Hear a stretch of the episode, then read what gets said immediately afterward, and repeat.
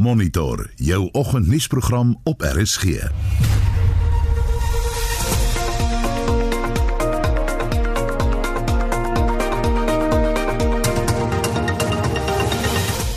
Monitor die EFF leier se aanhandingssaak is tot volgende jaar uitgestel. Strenger kwotas is ingestel vir die kreefseisoen. Daar's 'n boete van R1000 as jy nie 'n permit het nie. Jy word beboet teen R500 per kreef tot op 'n maksimum van R5000. Daarna word 'n dossier oopgemaak en die persoon word gearresteer. Ons kry die jongste oor die omvang van die brandskade in dele van die Vrystaat.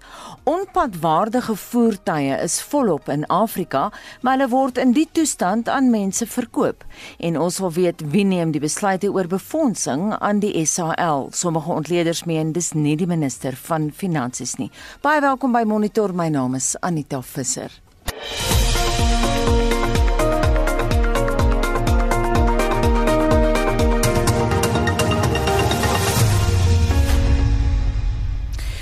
Meisieskool in Sydney, Australië bied lesse aan graad 11 leerdlinge oor noodsaaklike vaardighede. Dit behels hoe om 'n motorpad waardig te hou en te versorg. Die skool kry dan kenners van buite om die meisies te leer om 'n papwiel om te ruil, die olie te vervang en ander basiese take. Nou daar is mense wat kla dat kinders nie op skool met die nodige vaardighede toegerus word om as volwassenes die wêreld aan te pak nie. Ons wil vanoggend weet, stem jy saam? En wat dink jy behoort kinders op skool te leer? Of is dit ouers se plig om dit te doen?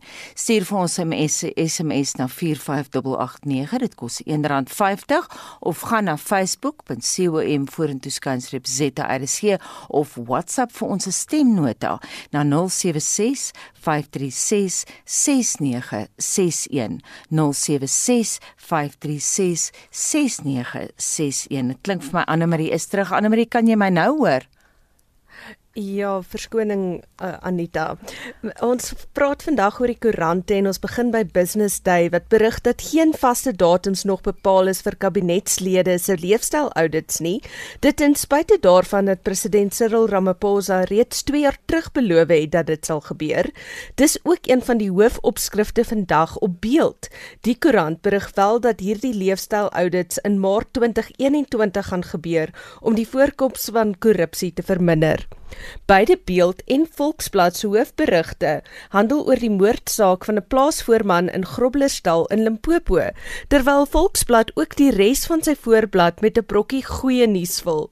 'n Staatsamptenaar van Hartswater, George Machai, het gister die hofverrigtinge oor die brandmoordsaak bygewoon en 'n T-hemp ter ondersteuning van die brandgesin gedra.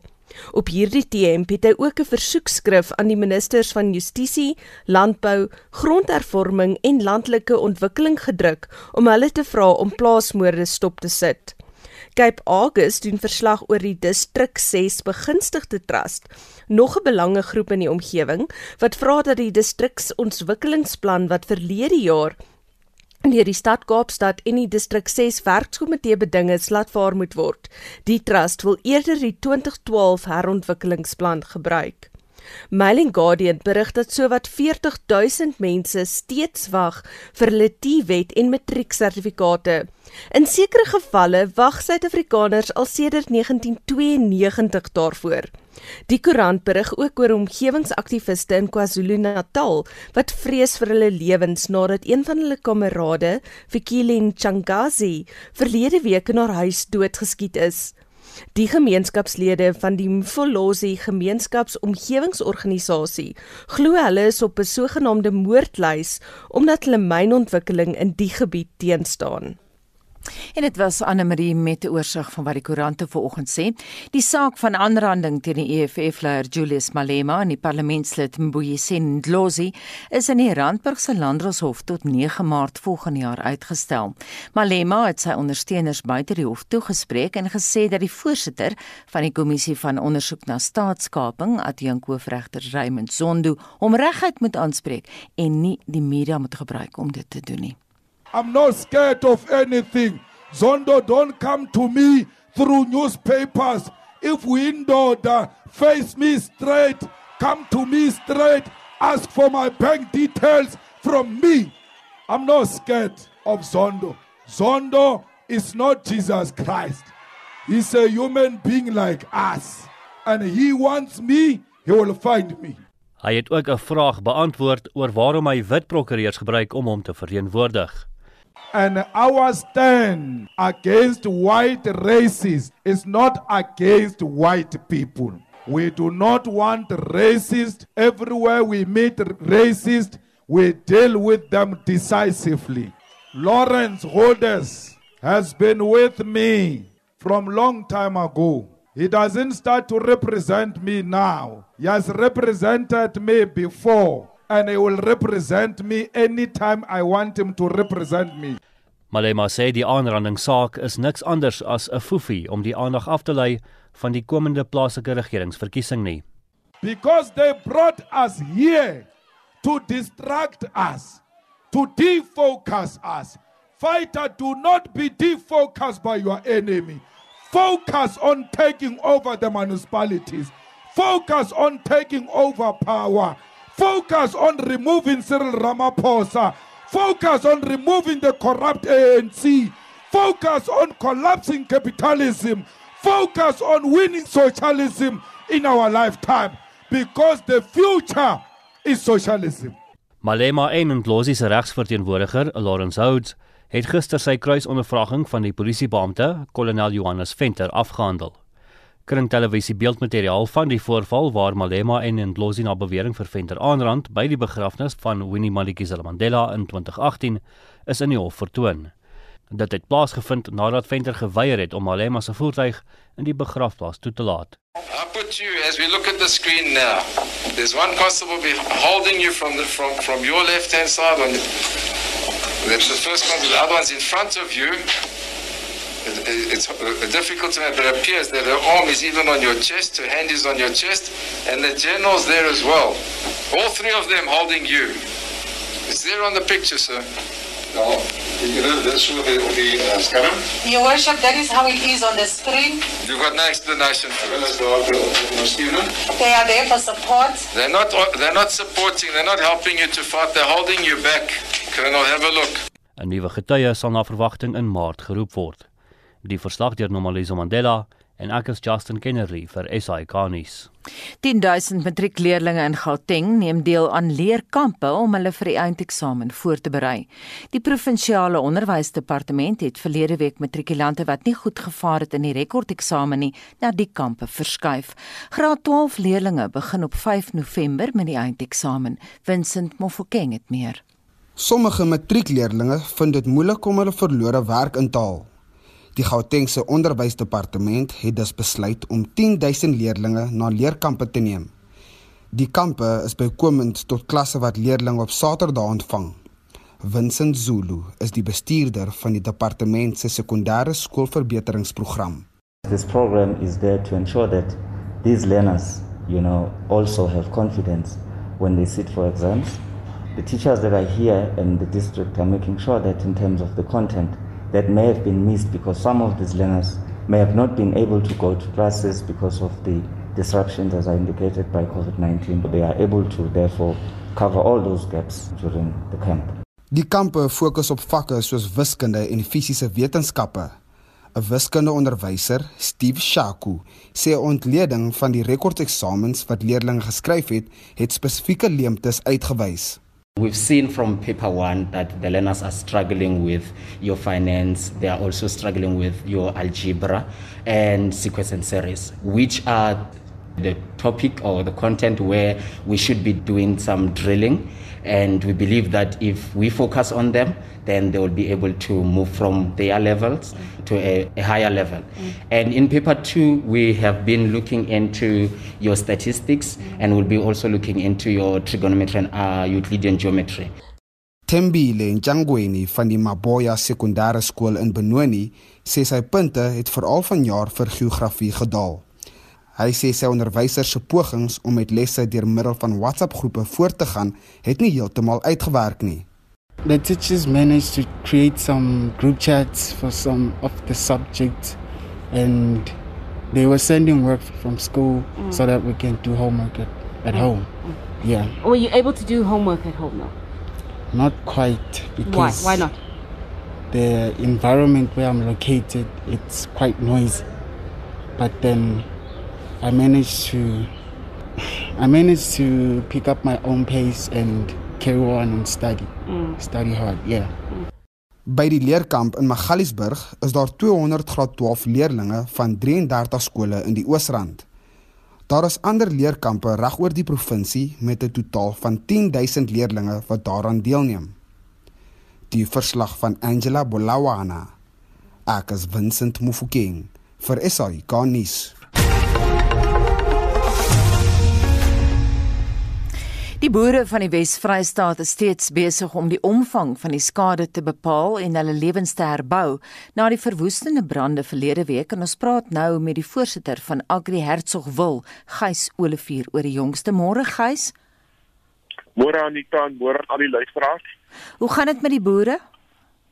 Anita, dit gaan baie beter met die boere. Hoop is besig om op te vlam. Baie van hulle besef dat met hierdie wonder wonderlike hulp en wonderbaarlike amper sê voel wat net in die lig het geval het is daar hoop vir die toekoms in baie van hierdie ouens wat net donker gesien het besef dat uh, die kanse goed is dat hulle dit gaan maak dat hulle kan voortgaan met hulle boerdery Weet jy gous in elke onderhoud wat ons voer met julle mense word daar gesê Suid-Afrikaners het oop harte. Hulle stuur van dwars oor die land, stuur hulle hulp. Het jy vir ons 'n besonder aangrypende storie? Anita, ja, ek ehm um, wil vir jou sê dis nie die voer nie. Weet jy wat gebeur het met ons? Dis werklik waar asof hierdie goed dood eenvoudig uit die lug uitkom. En jy weet op 'n stadium kry jy skenkings wat eintlik letterlik jy kan dit nie stop nie dis klaar hier en jy wonder wat gaan jy daarmee maak. En dan saam met die skenkings kom daar ek het gister so terwyl ek ry en besig was om met hierdie goeder ons werk met die skade verslae goed te besef ek van hierdie mense is engele. Want van hulle net verduidelik vir jou in 'n kort tydjie hoekom jy hierdie goed moet kry En so waar dan sien jy maar dis reg. Hierdie mense het van hierdie goed baie kere van tevore al gedoen en hulle het baie meer kennis om rampe te bestuur. Mm. So dit is nie net voer nie, dit is als. Al hierdie goeder kry 'n plek en dit help om hierdie om ons sê gemoedstoestand te verander. Want baie keer vra mense, jy weet, ons is besig nou om die langtermyn bepalings te, te rekonsilier uh, en en daarna te kyk. Maar in die kort termyn is daar behoeftes. Dames het ander behoeftes as mans en mans het weer ander behoeftes. So dis alles aan die dag tot selfs uh, berading. Jy weet hmm. mediese hulp wat aan gebied word. Ongelooflik. Jy praat nou gous van die skadeverslae. Het jy 'n idee wat die skade behels? Anita, weet jy, ons het aanvanklik mos nou met die brande het ons 'n syfer uitgegooi want almal wil weet en dit is baie naby die hektare is baie naby wat ons aanvanklik gesê het. Jy weet die situasie is nog steeds uh uh vloeibaar. Uh wat daar's elke dag bykomende brande brande in goed wat uh, maar die normale gang van sake hierdie tyd van die jaar. So ons het nou gister uh ons ons is besig om deur georganiseerde landbou al daai verslae bymekaar te maak sodat ons 'n randwaarde kan uh, ek wil amper sê kan vrystel en publiseer. Want ek dink julle sal verstaan hierdie verslag moet dan nog verder gaan. Hierdie uh, reg deur tot die regering want ons wil bitter graag hierdie uh, area verklaar tot rampgebied. Maar dan is daar 'n ander aspek ook saam met hierdie verslag moet ons verantwoording gee van al die skenkings wat ingekom het. Jy weet ek dink dit is net reg net soos wat jy belasting betaal en jy wil weet waantoe is elke sent. Uh jy wil dan mos nou weet die die skenking van jou kom by die regte plek uit. So ons is besig om te werk binne hierdie georganiseerde strukture om seker te maak dat hierdie hulp so regverdig moontlik uitgedeel word.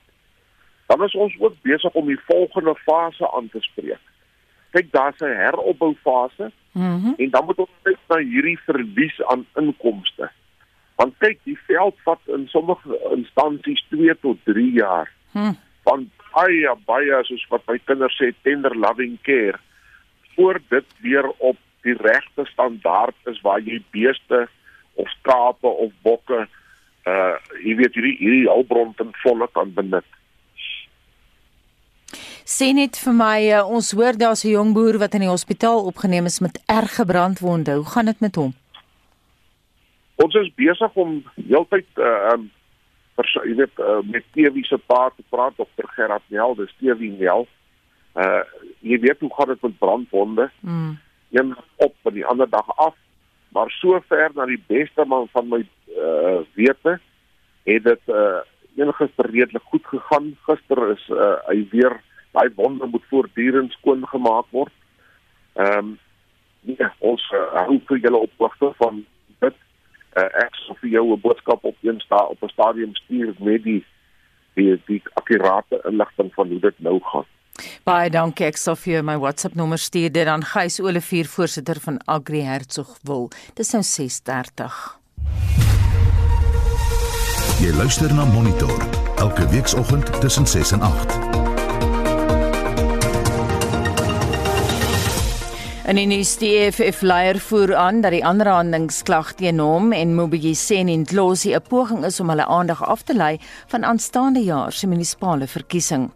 Die Hooggeregshof in Johannesburg lewer vandag uitspraak in die borgtog aansoek van die voormalige bedryfshoof van Bosasa, Angelo Agrizi. En net hierna, miljoene onpadwaardige voertuie word jaarliks aan die derde wêreld verkoop. En 'n nuwe Afrika-genoomstudie gee insig oor die kontinent se geskiedenis van die bevolking, omgewingsaanpassing en hulle vatbaarheid vir siektes. Bly by ons.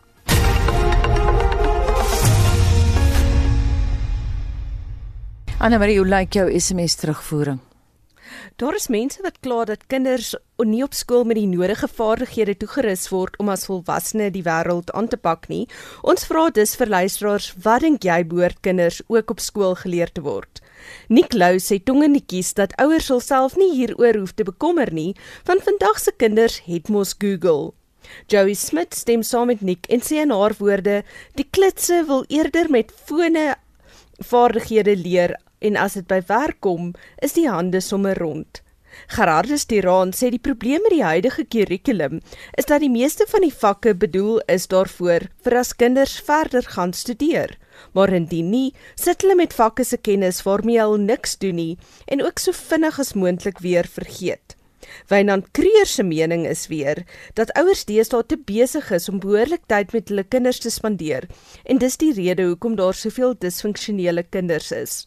Sandra Gundlach asook Marisa Pyper vra dat die kinders geleer moet word hoe om 'n begroting op te stel, te spaar, oor polisse, oor pensioene en so meer. Joey Smith en Helen Terblanche glo dis 'n fantastiese idee. En Helen Terblanche het ook op ons Facebookblad 'n prentjie gedeel van 'n hondjie wat instemmend op die vraag knik. Stuur 'n SMS na 45889 as jy jou mening met ons wil deel. Dit kos R1.50 per SMS of gesels saam op Facebook by facebook.com vorentoe skynstreep ZARST te gee of stuur 'n stemnota aan RSG op WhatsApp. Die nommer is 076 536 6961. Ek herhaal 076 536 6961. En van Anne Marie Nation Jooste met 'n oorsig van die oggend se sportnuus. Ons val weg met rugby nuus. In die plaaslike Super Rugby reeks stakel die Lions en die Griquas mekaar vanaand 7 uur in Johannesburg. Die Pumas en Sharks mekaar môremiddag half 5 in Nelspruit en die Bulls en Stormers mekaar die aand 7 uur in Pretoria. Johan Rademan sorg vanaand vir telefoniese kommentaar en Pieter van den Berg en Jody Hendrik skuif môre aand in Pretoria agter die mikrofoon in. Die eindstryd van die onder 21 kampioenskappe word vanmiddag 2 uur op Emirates Airline Park in Johannesburg tussen die Bulle en Lions beslis. Die 2020 rugby kampioenskappe skop môreoggend kort voor 11 af wanneer Australië en Nieu-Seeland in Sydney kragte meet. Die Bokke se jaar se toernooi uit. Die Ses Nasies toernooi word ook môre afgehandel.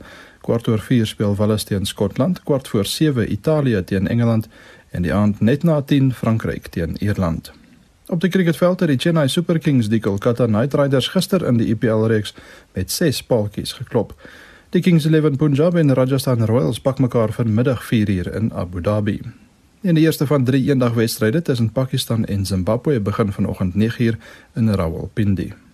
Op die tennisbaan in die kwart eindstryde van die toernooi in Oostenryk kom Suid-Afrika se Kevin Anderson later vandag teen die Rus Daniel Medvedev en Novak Djokovic van Servië vanaand teen die Italiaaner Lorenzo Sonego te staan. Die organiseerders van die Parys Meesters toernooi het aangekondig dat volgende week se toernooi in Frankryk sal voortgaan, maar geen toeskouers word toegelaat nie. Frankryk se tweede nasionale inperking begin vandag. Sokker. Van die tellings in gisteraand se Europese liga wedstryde was AEK Athens 1, Leicester City 2, Antwerpen 1, Tottenham Hotspur 0, Lille 2, Celtic 2, Real Sociedad 0, Napoli 1 en Slavia Praag 1, Bayer Leverkusen 0. Ons herinner ook graag dat die eerste been van die MTN 8.5 eindstryde die naweek plaasvind. Orlando Pirates en Kaizer Chiefs meet môre middag 3 uur en SuperSport United en Bloemfontein Celtic Sondagmiddag dieselfde tyd kragte. Fietsry. Die Duitser Pascal Ackermann het gister se 9de skof van die Vuelta a España in 3 ure 39 minute en 55 sekondes gewen. Richard Carapaz van Ecuador dra steeds die voorloper se rooi trui met Primož Roglič van Slovenië 13 sekondes agter hom en Daniel Martin van Ierland 'n verdere 15 sekondes terug in die derde plek. Suid-Afrika se Willie Smit is nou 59ste. Op die golfbaan is Daniel van Tonder op 27 punte die voorloper na die tweede ronde van die Sonskynreeks Royal Swazi Ope by Sun City.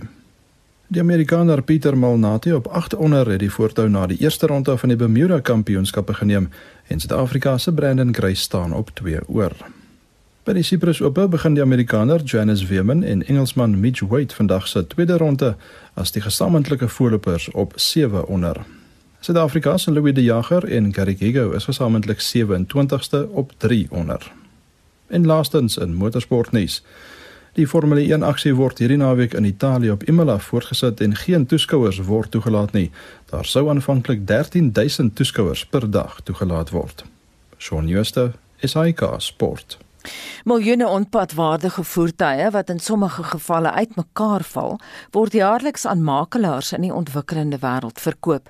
Tussen 2015 en 2018 alleen het nie minder nie as 14 miljoen voertuie vanuit die VSA, Europa en Japan hulle weg gevind na die derde wêreld se gevaarlike paaie. So waarskei die Verenigde Nasies in 'n verslag wat nou vrygestel is.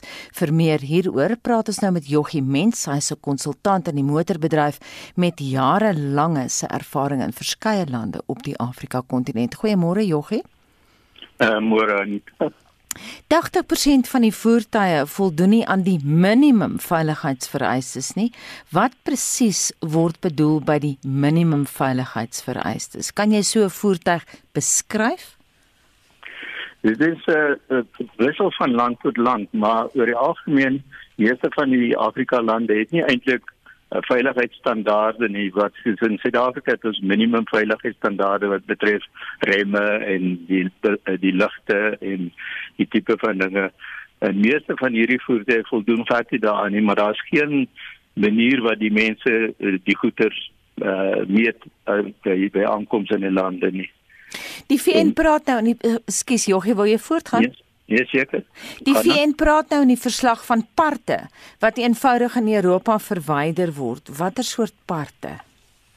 Kyk, daar is baie keer van die elektroniese toerusting in die voete, maar ook soos die uh, die uh, catalytic converters baie keer uh, verwyder hulle dit uh, om dit uh, makliker te maak om met die swakker uh, brandstofgehalte in Afrika uh, te doen te kry. En dan veiligheidsaspekte soos byvoorbeeld die die ABS van die voertuig kan uh, ontkoppel word. Nou ons praat van Europa, Japan, die FSA, watter lande is die grootste sondebokke wat hierdie voertuie uitvoer? Ja, volgens die verslag is dit Nederland, maar ek dink dit is maar omdat die jy weet die Rotterdam en Amsterdam hawe is, is, is die gewildste. Mm -hmm. Ek dink die die voertuie self, die oorsprong van die voertuie is maar oor die hele Europa en dan uh regterhand stuurvoertuie baie van hulle kom uit Japan uit. Kom ons praat 'n bietjie oor Japan. Is deel van die probleem nie die feit dat die Japaneese motoriste elke 3 jaar hulle voertuie ten duurste moet laat toets vir uh, padwaardigheid nie? Ja, nee, dit is so uh, in Japan het hulle verpligte herregistrasie van voertuie na na die eerste 3 jaar en daarna elke 2 jaar. Uh, en dit is teen relatief hoë koste. So dit is eintlik goedkoper vir die mense om 'n nuwe voertuig te koop en dan daai voertuie van ons later raak waarvan baie van hulle deur hierdie makelaars uh, uh ingevoer word na die na die uh, uh onderontwikkelde lande. En sê vir my Joggie, watter lande in Afrika word die ergste geraak? Die groot die grootste wat ek nou my eie ervaring en, en ook in lyn met die verslag is is die Wes-Afrika lande, jy weet groot uh, ekonomieë soos Nigerië en Ghana en dan uh, uh van die regterhandstuur uh, lande soos uh, Tansanië en Uganda ook uh hulle word nogals baie baie geraak. Maar dit dit kom redelik algemeen oor Afrika voor. Ek verstaan daar's baie makelaars in Dubai wat die motors koop en dan uitvoer. Dis reg. As jy as jy nou kyk na die statistiek uh, van die verslag, dan is dit interessant om te sien dat uh, Dubai of uh, die Verenigde Arabiese Emirate een van die groot invoerders is. Maar as jy nou fisies gaan kyk, dan is dit eintlik maar makelaars wat gebaseer is in Dubai en hulle voer her uh voer dan die uh, voertuie uit na na Afrika lande. En dan 'n interessante uh, verskynsel is ook 'n klein landjie soos Benin is een van die grootste invoerders van tweedehandse voertuie. Maar as jy kyk na Benin se voertuigpark is maar omtrent 250 000. Hmm. So dit is duidelik dat jy die uh, uh voertuie wat daar na Benin toe gaan dan verder oor die Portugese grense na die buurlande toe uitgevoer word soos uh, Nigerië Kom ons praat van ons eie buurlande, wat van Botswana? Ja, dit is 'n probleem wat ons hier in in Suid-Afrika het. In Suid-Afrika is die invoer van tweedehandse voertuie uh, onwettig. Maar uh, nie in in ons buurlande nie, in veral Botswana, so baie van die voertuie kom deur Suid-Afrika kom by in Durban aan en dan word hulle vervoer na Botswana toe. Maar weer eens met die in 'n mate poreuse grense en so dan vind daai voertuie maar tog hulle hulle ter, weg terug na Suid-Afrika toe. Ek dink die groot probleem in in in Suid-Afrika is wel die tweedehandse voertuie wat van Botswana afkom maar die standaard van die voertuie is nie regtig so swak soos die in Wes-Afrika nie want letterlik soos jy in die inleiding gesê het van hierdie voertuie val omtrent uitmekaar uit en baie van hulle is voertuie wat in ongelukke betrokke was en dan afgeskryf is in die lande van oorsprong. Hmm. En dan sit hulle dit net in 'n houer en hulle stuur dit uh, Afrika toe en die manne daar in Afrika daar herstel dan die voertuie tot 'n mate en uh jy weet dan verkoop hulle dit maar weer. Wat presies bepaal ons wetgewing? Ja, ons wetgewing sê dat jy geen twee wel nie net voertuie maar geen tweedehandse uh, uh, uh goedere mag invoer nie. So maar die probleem is uh jy weet omdat ons die die saak hoe die die die customs union uh kom die goed maar tog Botswana toe en die die grensbeheer tussen Botswana en Suid-Afrika is maar redelik swak so hmm. wie dit voete kom maar by ou en hier uit. Ek hoor daar's ook 'n probleem met Swaziland. Ja, dit is so in in selfs Lesotho, jy weet so so al hierdie in in selfs Namibië tot 'n mate. So ja, dit is maar 'n probleem. Op die oomblik is daar 'n ondersoek aan die gang uh, gedryf deur die Raad van Handel en Nywerheid. Maar ek weet nou nie of hulle sal hond daar afmaak daar nie. Jogie, ek sien nou in die VN se verslag, hulle praat daarvan dat die probleem veelerlei is. Hulle verwys na padveiligheid, maar dan ook besoedeling. Ja, ja, kyk die die verslag is opgestel deur die deur die uh uh omgewingsprogram van die Verenigde Nasies. So die fokus is van die verslag is maar rondom besoedeling, maar vir my die groter probleem is die veiligheidsaspekte want uh, jy weet as jy kyk die die toestand van van hierdie voertuie, dit is uh, eintlik 'n gevaar op die pad en dan baie van hulle word gebruik as as taksies. So dit dit maak die probleem nog groter. He. Die VN voorspel 2 miljard voertuie op die wêreld se paaie teen 2040. Kan 'n mens daaruit aflei dat hierdie probleem vir baie lank by ons gaan wees? Ja, ek is seker dit dit gaan wees en jy weet alhoewel ons ons doen nou baie werk in Afrika om om uh, uh die regering te help om beleide te ontwikkel in terme van van voertuigbeheer en so. So daar is uh jy weet die hulle stelselmatig bring hulle regulasies in en so, maar weer eens die implementering is nie altyd so so goed nie. So ja, ek dink die probleem gaan definitief groter word. En en die groot probleem daar is ook die die oorsaak van hierdie feit dat jy so baie tweedehandse voertuie in Afrika kry is die feit dat daar's nie voertuigfinansiering nie. So dit is die enigste bekosbare uh, voertuie wat die mense kan kry is mm. is deur hierdie swak gehalte voertuie in te voer wat jy kry maar wat jy voor betaal, jy weet. Jochie net laasens jy het net nou verwys na porese grense in Afrika. Sou mens dan die probleem holisties moet benader, holistiese streekbenadering?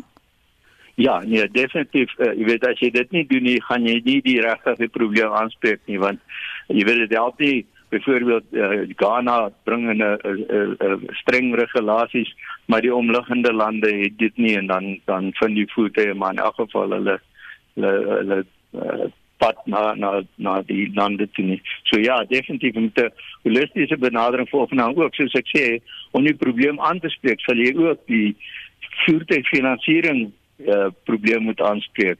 En dit het nou weer ander ander uh, uh, uh, probleme rondom dit dan die veiligheidsstandaarde en so moet dan ook toegepas word want anders gaan die banke nie die voertuie wil finansier nie. Jogie, het jy enige idee verskoon my?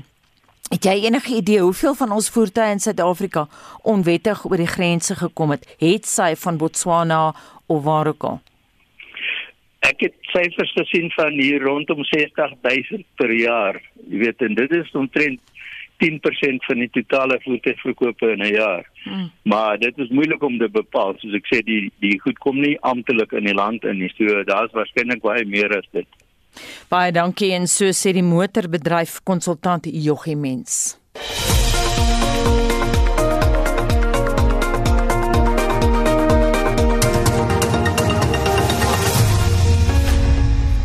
'n Nuwe Afrika-genoomstudie wat pas gepubliseer is, gee insig oor die kontinent se bevolking se geskiedenis, omgewingsaanpassing en vatbaarheid vir siektes.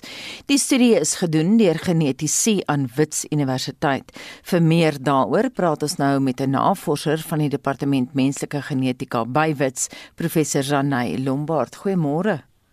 Goeiemôre Anita. Vertel ons 'n bietjie presies wat behels daai studie. So, um, ons ons weet dat genetiese data het hierdie groot potensiaal om gebruik te kan word om meer te leer oor geskiedenis en en ook oor siektes en vatbaarheid van siektes.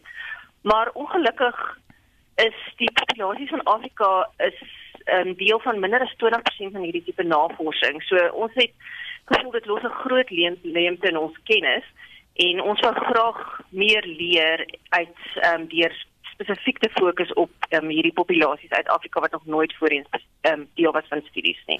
Ek sien Zanay, jy beskryf die studie as baanbrekerswerk. Wat maak dit so? Ehm um, ek dink dit maak dit so omdat ons juis ehm um, ons fokus hier op Afrika geplaas het op populasiegroepe wat nog nooit deel was van genetiese studies voorheen nie. So ons het baie nuwe goeters geleer wat ons nooit voorheen geweet het nie. En ek dink is ook 'n baanbreker studie want die navorsers wat deelgeneem het aan hierdie studie eh, vir die meeste deel was deel um, kom van Afrika af en die werk was alles hier in Afrika gedoen. So dit is 'n fantastiese vooruitsig vir ons om hierdie tipe kennis te bou in Afrika. Wat was vir jou die mees interessant? Wat het jou tussen die oë geslaan? Um ek dink wat vir ons baie interessant was, was deur hierdie paar honderd addisionele individue se genome na te kyk, het ons meer as 3 miljoen nuwe variante in die genoom gesien wat ons nog nooit voorheen gesien het in die duisende mense wat ons voorheen bestudeer het nie. So daar's dit bewys ons dat daar baie nuwe dinge is wat ons kan leer deur na nuwe genome te kyk. En ehm um, ek dink die potensiaal wat hierdie data het om ehm um, gebruik te word om daar gesondheidsnavorsings te gebruik is is fantasties. Net vir die leek, wat presies is 'n genoom? So ons genoom is die DNA wat ons van ons ma en ons pa af erf. Dit is basies ons genetiese materiaal, die hele ehm um, opmaak van die genetiese materiaal wat ons in ons selle het. Sê vir my dan nou baie van hierdie soort studies word altyd verder gevoer. Wat gaan julle volgende doen? Ehm um, absoluut. So ons het regtig nog net um, begin om hierdie na hierdie data te kyk. Daar's soveel meer vrae wat ons kan antwoord. En ons wil ook graag hierdie data nou begin gebruik om meer van ons studies wat gefokus op verskillende siektes en gesondheidsprobleme te gebruik om ons te help om om beter insaag te kry daarin. En die praktiese implikasies van julle bevindinge?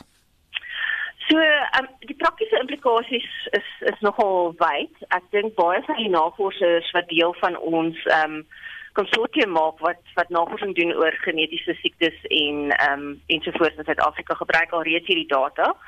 So uh, baie van hierdie data kan gebruik word om te kyk na ehm um, genetiese siektes. Ons kan gebruik om dit om meer te leer oor meer algemene siektes soos diabetes en ehm um, hoë bloeddruk en natuurlik die infrastruktuur wat basies in Afrika gebou was om hierdie tipe studie te doen, kan nou ook gebruik word vir ander doelwitte soos byvoorbeeld baie van die navorsingsinfrastruktuur word nou gebruik vir die die COVID navorsing wat wat um, op die oomblik gedoen word. Baie dankie en so sê professor Janey Lombard, 'n navorser van die departement menslike genetika by Wits Universiteit. Die Westepart die Wes-Kaapse Departement van Bosbou, Landbou en Visserye het onlangs die nuwe kreefseisoen se kwotas bekend gestel. Die kwotas is vanjaar verminder omdat stropery in die provinsie nog nie onder beheer is nie. Die direkteur van die bestuur van kusvisserye in die provinsie, Dennis Fredericks, het aan Marlenae Forsie gesê slegs 837 ton kreef vanjaar kan uit die see gehaal word. Dis byna 23% minder as verlede jaar. Dit is vir die jou kommersiële kreefregshouers, heide aflandig en aanlandig. Dan is daar wat ons noem 'n tussentydse verligtingmaatreël wat hoofsaaklik geld vir die bestaansvissers, streep kleinskaalse vissers in die Weskaap, ook bekend as die interim relief measure.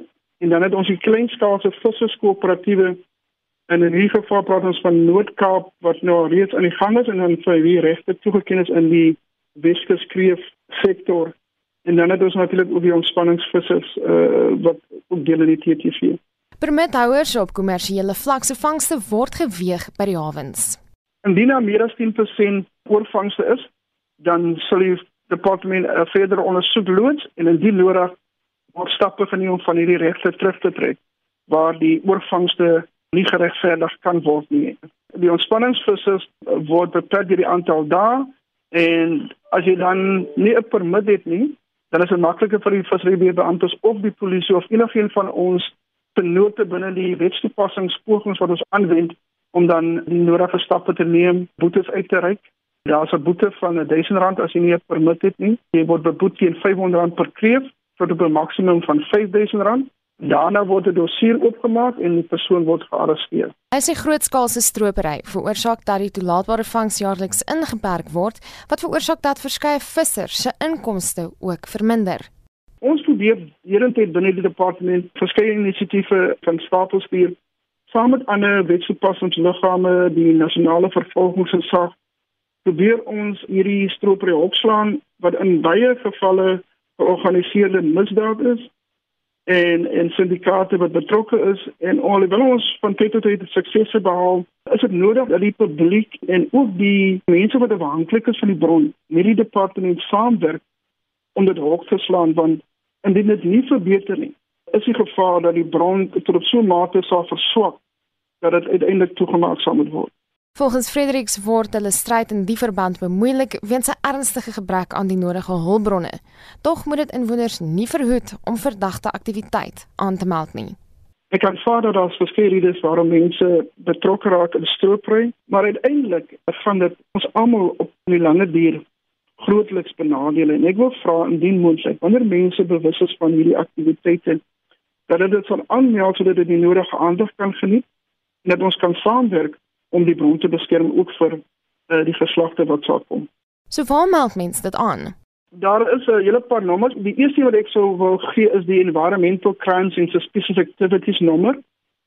Dit is 'n toll-free nommer, 0800 205 005 0800 205 005 dan mag jy dit ook aanmeld by jou naaste polisiestasie indien dit een naby is. Ek wil egter aanbeveel dat dit aangemeld word by die Environmental Crimes and Suspicious Activities want dit is 'n nommer wat gemoniteer word en dan kan daar eerder akses van daardie voortspreek. Dit was Dennis Fredericks, die Wes-Kaapse direkteur vir die bestuur van kusvissery. Ek's Marlene Forsie vir SAK nuus. As deel van nasionale oogsorgbewusmakingsmaand het 'n groep blinde en swaksiende mense met hulle wit kieries langs die besige R75 in die baai gestap. Daar was soortgelyke optredes in vier ander provinsies. Veronica Forrie het meer. Die blinde en swaksiende persone is begelei deur andersiende persone op die roete van ongeveer 2 km. Hulle wit kieries was die teken dat hulle nie kan sien nie. Motoriste moes noodgedwonge stadiger ry en self stop om kennis te neem. Angelina Coupe van die Buro vir die Voorkoming van Blindheid sê mense moet hulle sig waardeer en dit mooi oppas. Raise awareness on the importance of taking care of our eyes. And then on the White Cane Safety Day, we are saying to the community, here is a tool which is a symbol of blindness, which is the white cane, and which is also a tool of independence. So we want the community to understand if you see someone walking around with a white cane, this is a blind person, but he is independent. If you are driving, give way. Don't try to help. Die voorsitter van die Nasionale Raad vir Blindes in die Oos-Kaap, Kolisa Jekani, sê daar's nie naaste by genoeg mediese hulp beskikbaar vir arme mense en die in landelike gebiede nie. The National Council for the Blind has entered into a partnership with some government departments such as health and others so that we may find uh, funding that will enable this organization to roll out treatment to those rural areas. Nomhle Dayile is heeltemal blind en sy vertel dat dit nie maklik is om heeltyd op ander mense staat te maak nie. You make a deal with someone to help you, but then that person doesn't come. So and you get disappointed. Die 31-jarige Lundi Potelwa het as klein seentjie blind geraak weens breinvliesontsteking. Maar hy het 'n droom wat hy graag wil verwesenlik. I want to be a chef now because I'm good at cooking. I know that if I'm a chef, I can be an employer. Then the unemployment rate will, will go down because I will open my restaurant then employ the the unemployment people. Die tema vanjaar is hoop en visie. Die Nasionale Raad vir Blindes hoop dat die regte van blindes en swaksiendes om veilig te kan beweeg in 'n toeganklike omgewing erken sal word. Veronica Fourie in Port Elizabeth. Daar is geen verkeer. Ons begin in Kaapstad op die N2 stad en daar was 'n botsing op Boonga Rylaan. Dit veroorsaak vertragings tussen die lughawe en Langa en uh, op hierdie foto kan jy sien dat daar 'n reuse verkeerstou is. Uh, nog nie seker presies wat daar gebeur het nie. Dan in Gauteng was daar 'n multivoertuigbotsing op die N12 Oos net na Rondebultweg. Die linkerbaan is gesluit en dit veroorsaak ook 'n verkeers op op eenopings. En uh, op die oomblik lyk my is dit uh, die RD al probleme wat daar is op die paaie, niks anders wat my oog vang nie. Uh, as daar iets is sal ek uh, na 7 weer terug wees. Intussen gee ons vir Anne Marie die vloer. Wel Anita, 'n meisieskool in Sydney, Australië bied lesse aan graad 11 leerders oor noodsaaklike vaardighede. So ons het vir luisteraars gevra wat hulle dink kinders op skool geleer moet word. Op die SMS-lyn sê Jody Gerardo, leerders moet ten minste 2 addisionele tale leer en Mariaan Meyer sê sy stem saam, vervang die vak lewensoriëntering met 'n vak soos vaardigheid. Daarin word die kinders alles geleer van om 'n knoop vas te werk, 'n soem in te sit, 'n wiel om te ruil en 'n begroting te laat klop. Stuur vir ons 'n SMS na 45889 teen R1.50 per SMS of gesels saam op Facebook by facebook.com vorentoe skynstreep ZARSG of stuur vir ons 'n stemnota by 076 536 6961 ek herhaal die WhatsApp nommer 076 536 6961. En bly ingeskakel want na 10 oor 7 praat ons oor hoekom is 10,5 miljard rand aan SAL gegee. Ons praat met Dirk Coetzee van Unisa en die hoofekonoom by die Efficient Groep Dawie Rood bly ingeskakel daarvoor. En dit bring ons by 7 uur. SAK nuus.